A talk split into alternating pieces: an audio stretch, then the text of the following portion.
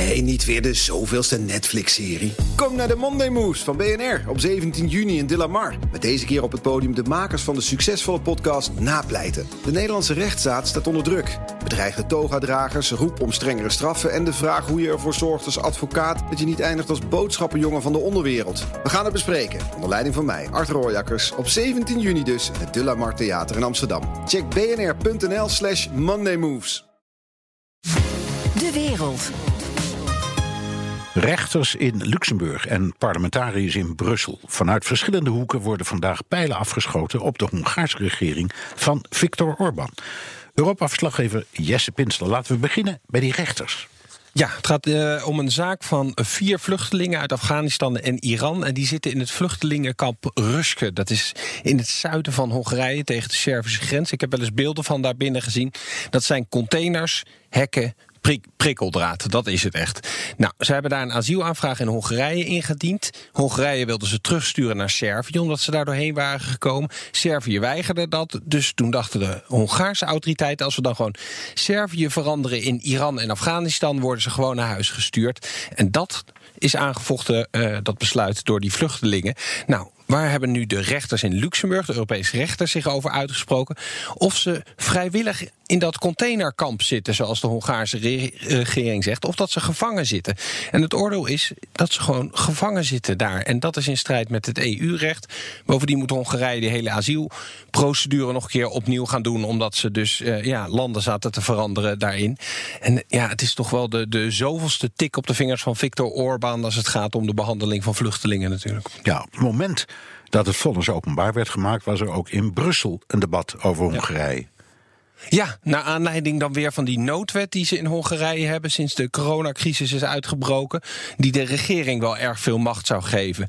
Nou, zoals wel vaker in het Europees Parlement was het een debat waar misschien de focus een beetje ontbrak, maar in ieder geval waren er een hele hoop parlementariërs, los van een enkele Hongaar en een rechtspopulist, die helemaal los konden gaan op Viktor Orban.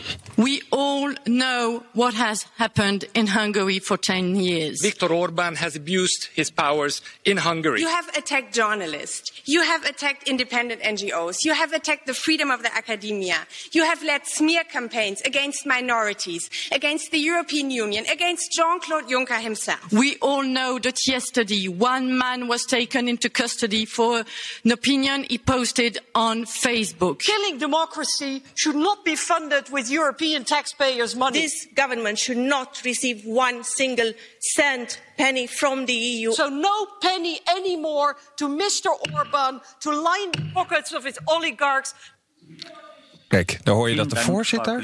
Hè, daar hoor je hem nog eventjes. Die was volgens mij ook een beetje klaar met de tirade ja, van Sofie. En, en, en ik hoor één hele interessante quote. Een man die Mhm. gisteren is gearresteerd voor het plaatsen van een bericht op Facebook. Ja, dat klopt. Dat is een, een, een 64-jarige man. eh, die had op eh, Facebook inderdaad geschreven.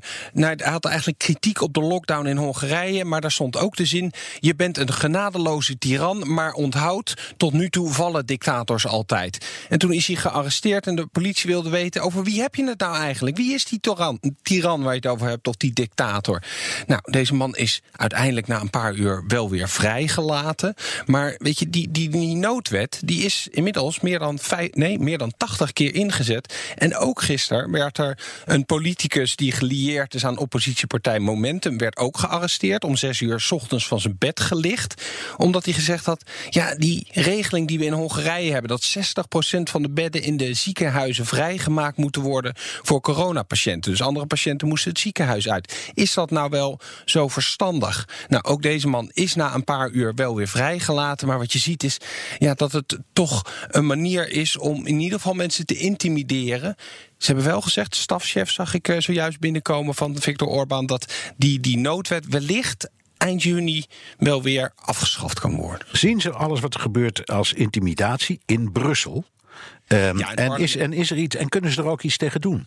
Ja, dat is dan altijd de vraag. Hè. De- Het parlement ziet het zeker zo. Maar het is misschien interessant om te kijken wat de Europese Commissie doet of niet doet. Dan kom je bij commissaris Jourova, de Tsjechische. Nou, die heeft eerder al gezegd, ja, die, die wet in Hongarije. Ja, daar kunnen we nu nog niet zoveel mee. We gaan gewoon goed kijken wat er precies mee gedaan wordt. Nou ja, nu zien we dus wat er mee gedaan wordt. En toevallig had Jourova een paar uur geleden een gesprek met de denktent Breugel en de journalist van, de journalist van de Financial Times. En toen had ze het dus ook over die twee arrestaties waar wij dan net over hadden. when we see the cases where criminal comments, uh, uh, critical comments, uh, can uh, uh, invoke this reaction of the uh, law enforcement bodies, it is it is worrying. But in the in the world of media and, and criminal law, uh, we have rather limited a limited power on this. Believe me, I am rather frustrated that we cannot uh, impose more pressure. Ja, in zekere zin zijn het Europees Parlement, de Europese Commissie, misschien zelfs die rechters in Luxemburg, de perfecte vijand van Viktor Orbán. Het zijn tandeloze tijgers eigenlijk waarmee hij op dat, eh, aan het vechten is. En hij kan heel goed zijn frame gebruiken. Ik haal nog maar even een speech van, eh, uit 2017 aan, waar hij zegt: ja, de onafhankelijkheid en de soevereiniteit van ons land moeten we verdedigen tegen een alliantie van Brusselse bureaucraten, de liberale media en de onverzadigbare kapitalisten.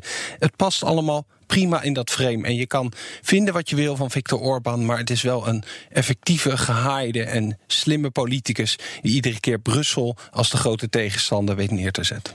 Dank. Europa-verslaggever Jesse Pinster. Ook Bas van Werven vind je in de BNR-app. Ja, je kunt live naar mij en Iwan luisteren tijdens de ochtendspits. Je krijgt een melding van Breaking News. En niet alleen onze podcast Ochtendnieuws, maar alle BNR-podcasts vind je in de app. Download nu de gratis BNR-app en blijf scherp.